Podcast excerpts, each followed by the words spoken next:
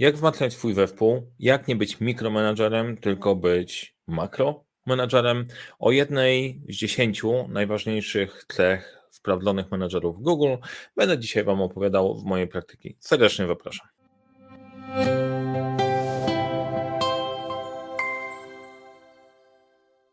Cześć, nazywam się Mariusz Kopówta. Uczę, jak rozpocząć kończyć z sukcesem projektu w świecie, w którym brakuje czasu, brakuje zasobów, za to nie brakuje problemów i zespołem Leadership Center te problemy rozwiązujemy.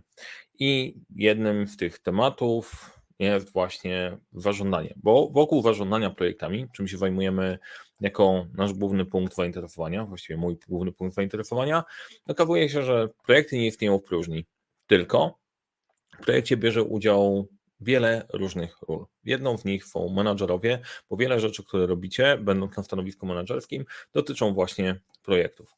A ponieważ można się zastanawiać i szukać jakichś różnych przedsięwzięć i pomysłów na to, jak być lepszym kierownikiem projektu, jak być lepszym menadżerem, to Google zrobiło jakiś czas temu badanie Oxygen i na podstawie tego badania Oxygen wygenerowało 10 cech, które przejawiają ich najlepsi menadżerowie.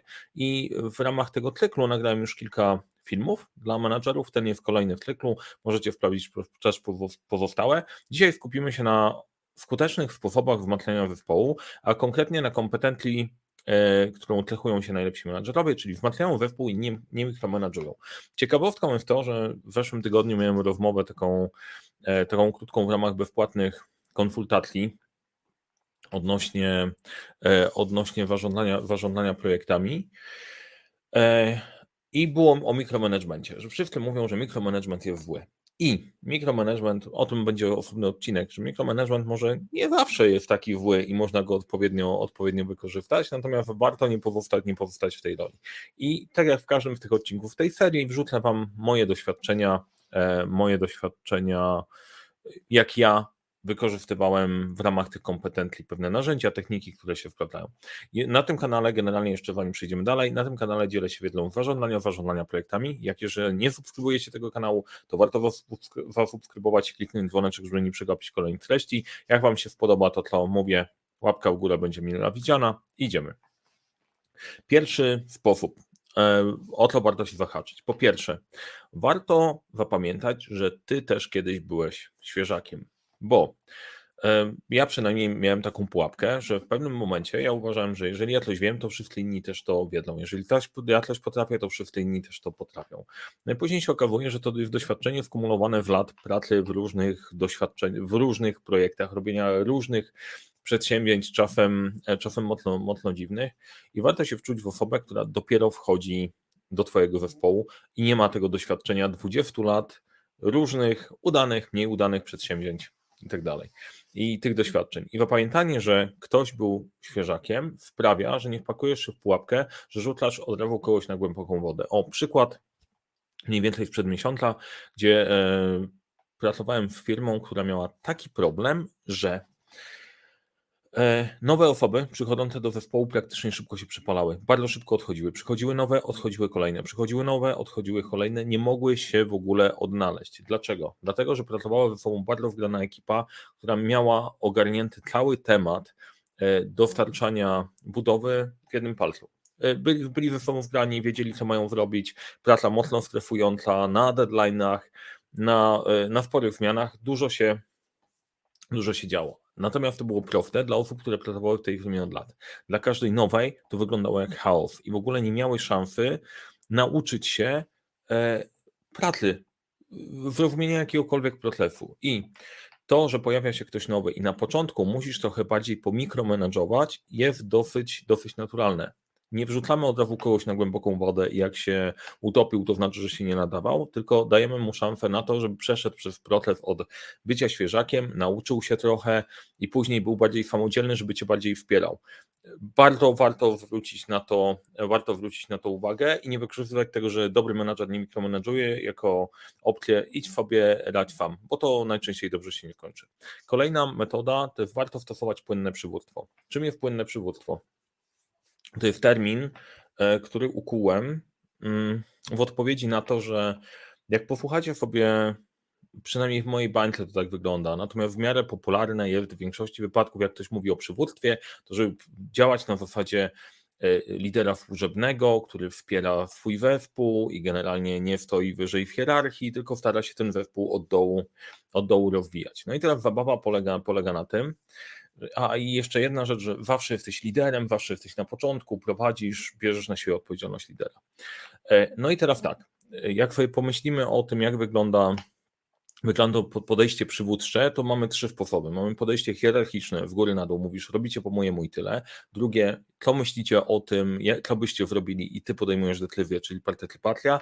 I trzecie podejście, dajesz całkiem swobodę do zespołu, wyróbcie i ja się nie wpierdzielam.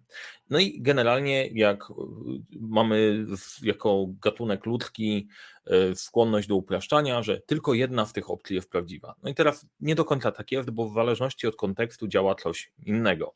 Więc potrzebujesz mieć umiejętność dopasowania się do tego, żeby czasem przyjąć rolę bardziej hierarchiczną, czasem partycypacyjną, a czasem oddać zespołowi całość. Te elementy są powiązane ze sobą w kontekstem projektu. Im bardziej włożony i bardziej ryzykowny projekt, tym bardziej się włącza hierarchia z automatu e, i z dojrzałością też zespołu. Jak masz świeżaków, to świeżakami nie zażądasz na zasadzie ladźcie sobie sami, bo się utopią. To nie jest najlepszy nie jest najlepszy pomysł. Ja ten termin ukułem, e, jak był swojego czasu trenowałem takie bardziej taktyczne podejścia, e, bardziej tak, taktyczne treningi, takie ala militarne, zdobywania, zdobywania pomieszczeń. Okazuje się, że E, tam sytuacja zmienia się bardzo mocno dynamicznie i przy, na początku, przy wejściu do tego pomieszczenia, prowadzi osoba, która jest pierwsza, jest tak zwaną jedynką i ma największe rozeznanie, co się w ogóle dzieje. Ale po wejściu do pomieszczenia może się okazać, że jak zespół się rozejdzie po kilku pomieszczeniach, to osoba, która była pierwsza na wejściu, jest trzecia przy drzwiach do otwarcia kolejnych drzwi. I wtedy jedynką jest osoba pierwsza przy drzwiach.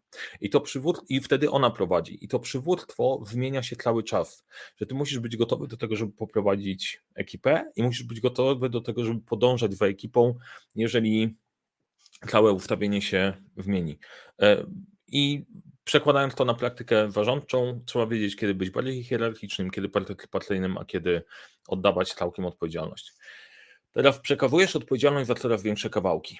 W tym szaleństwie, o którym mówię, jest metoda. Jak przychodzi świeżak, to tam będziesz miał podejście bardziej hierarchiczne, bardziej mikromanagerujące, ale później, jak widzisz, że człowiek zaczyna krzepnąć, ma ogarnia coraz więcej, przekazujesz odpowiedzialność za coraz większe kawałki. Czyli nie zwalasz wszystkiego, czego chcesz się pozbyć od pierwszego dnia, tylko za coraz większe kawałki człowiek, człowieka czynisz odpowiedzialnym i to nie tylko badania, ale dajesz mu obszar, słuchaj, ty się tym zaopiekujesz. Ty pomyślisz, jak to zrobić, jak to dowieść i dostarczyć.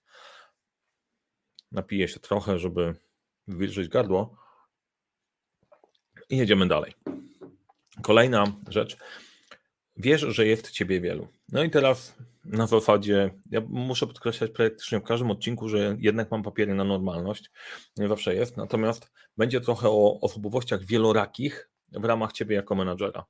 Bo warto sobie wydawać sprawę, że jeżeli jesteś menadżerem, jest spora szansa, że jednocześnie jesteś menadżerem dlatego, że byłeś dobrym specjalistą i wnasz się na temacie, który robisz. Jednocześnie czasem chcesz być kolegą dla ludzi, z którymi, z którymi pracujesz. I może się okazać, że twój zespół nie jest w stanie odróżnić, jako kto do nich mówisz.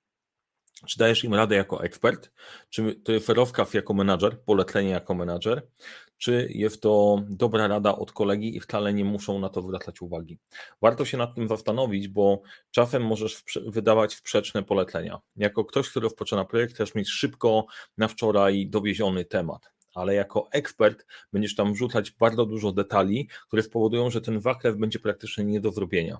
I wtedy, jeżeli człowiek odbiera takie dwa komunikaty od menadżera, który chce szybko, od eksperta, który chce dużo, nie wie do końca czego słuchać i się gubi.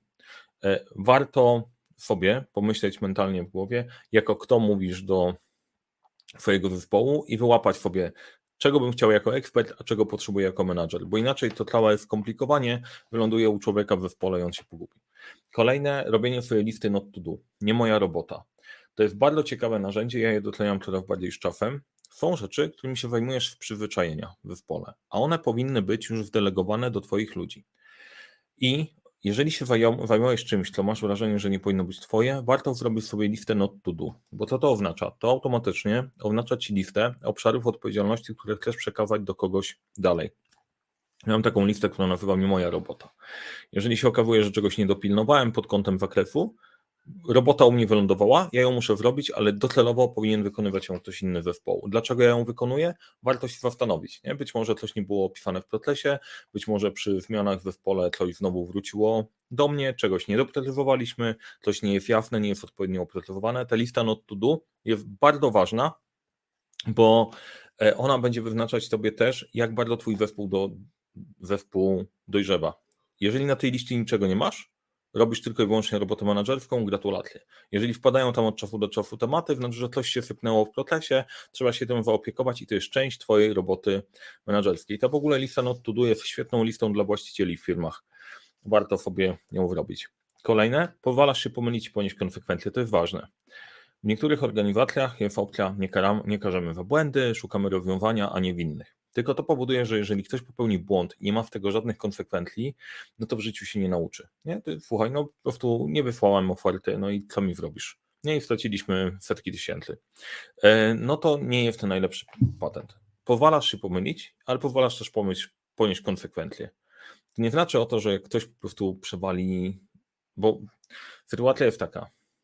W jednej z firm, e, właścicielka jednej z firm, którą rozmawiałem, błąd, który kosztował firmę więcej niż ta osoba jest w stanie wypracować przez lata. Nie? I generalnie to może totalnie, totalnie, totalnie paraliżować. Nie? Podniosą się, nie ma problemu, no bo to niewygrany przetarg wygrają, wygrają inny i będzie, będzie ok. Nie? Natomiast kosztowało to sporo potencjalnego, potencjalnego przychodu. Nie? No i teraz nie chodzi o to, żeby robić, robić paraliżujący strach dla ludzi, ale jeżeli ktoś się pomyli i zrobi fuck up, no to fajnie, jakby wziął na siebie odpowiedzialność warowiowanie tego fuck upu. Bo wtedy następnym razem zastanowi się jeszcze raz. Jeżeli jest fuck up i to wszystko ląduje na tobie, to w życiu się nie nauczy, a ty twoją listę not to do będziesz miał wypełnioną po brzegi. Kolejne, wyjaśniasz zamiar dowódcy. To jest um, podejście zaczerpnięte z e, podejścia natowskiego do zarządzania zespołem Mission Command, gdzie ty mówisz, jaki jest twój zamiar pod kątem tego, co chcesz osiągnąć. Czym się różni podejście Mission Command od Command and Control? Command and Control to jest sposób zarządzania e, żołnierzami stosowany bardziej przez były kraje przez kraje Układu Warszawskiego, a konkretnie przez ROFie. Rosyjskie podejście na zasadzie my mówimy, ty robisz w góry, na dół i się nie zastanawiasz, nie?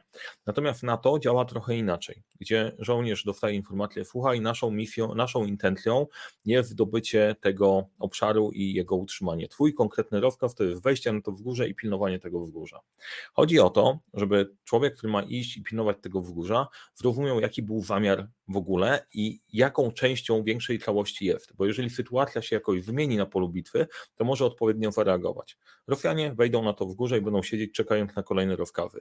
Natomiast y, w przypadku Amerykanów wejdą na to w górze, jeżeli coś się będzie zmieniało, będą przekazywać większą inicjatywę, bo wiedzą, jaki był zamiar dowódcy i do czego zmierzają.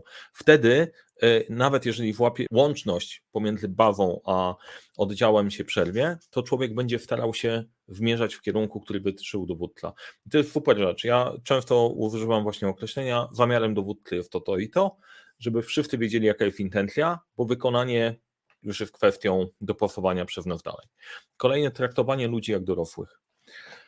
Hmm nie wiem, może wy macie inaczej, ale widzę taką tendencję do tego, że jeżeli ktoś zostaje menadżerem, stara się traktować ludzi tak bardziej po ojcowskiemu, po matczynemu, że to ja za nich odpowiadam, ja pilnuję, to są moje dzieci, a ja je ogarniam. I to się skończy, że wtedy zarządzasz szkolem. Po prostu masz do czynienia z dorosłymi ludźmi.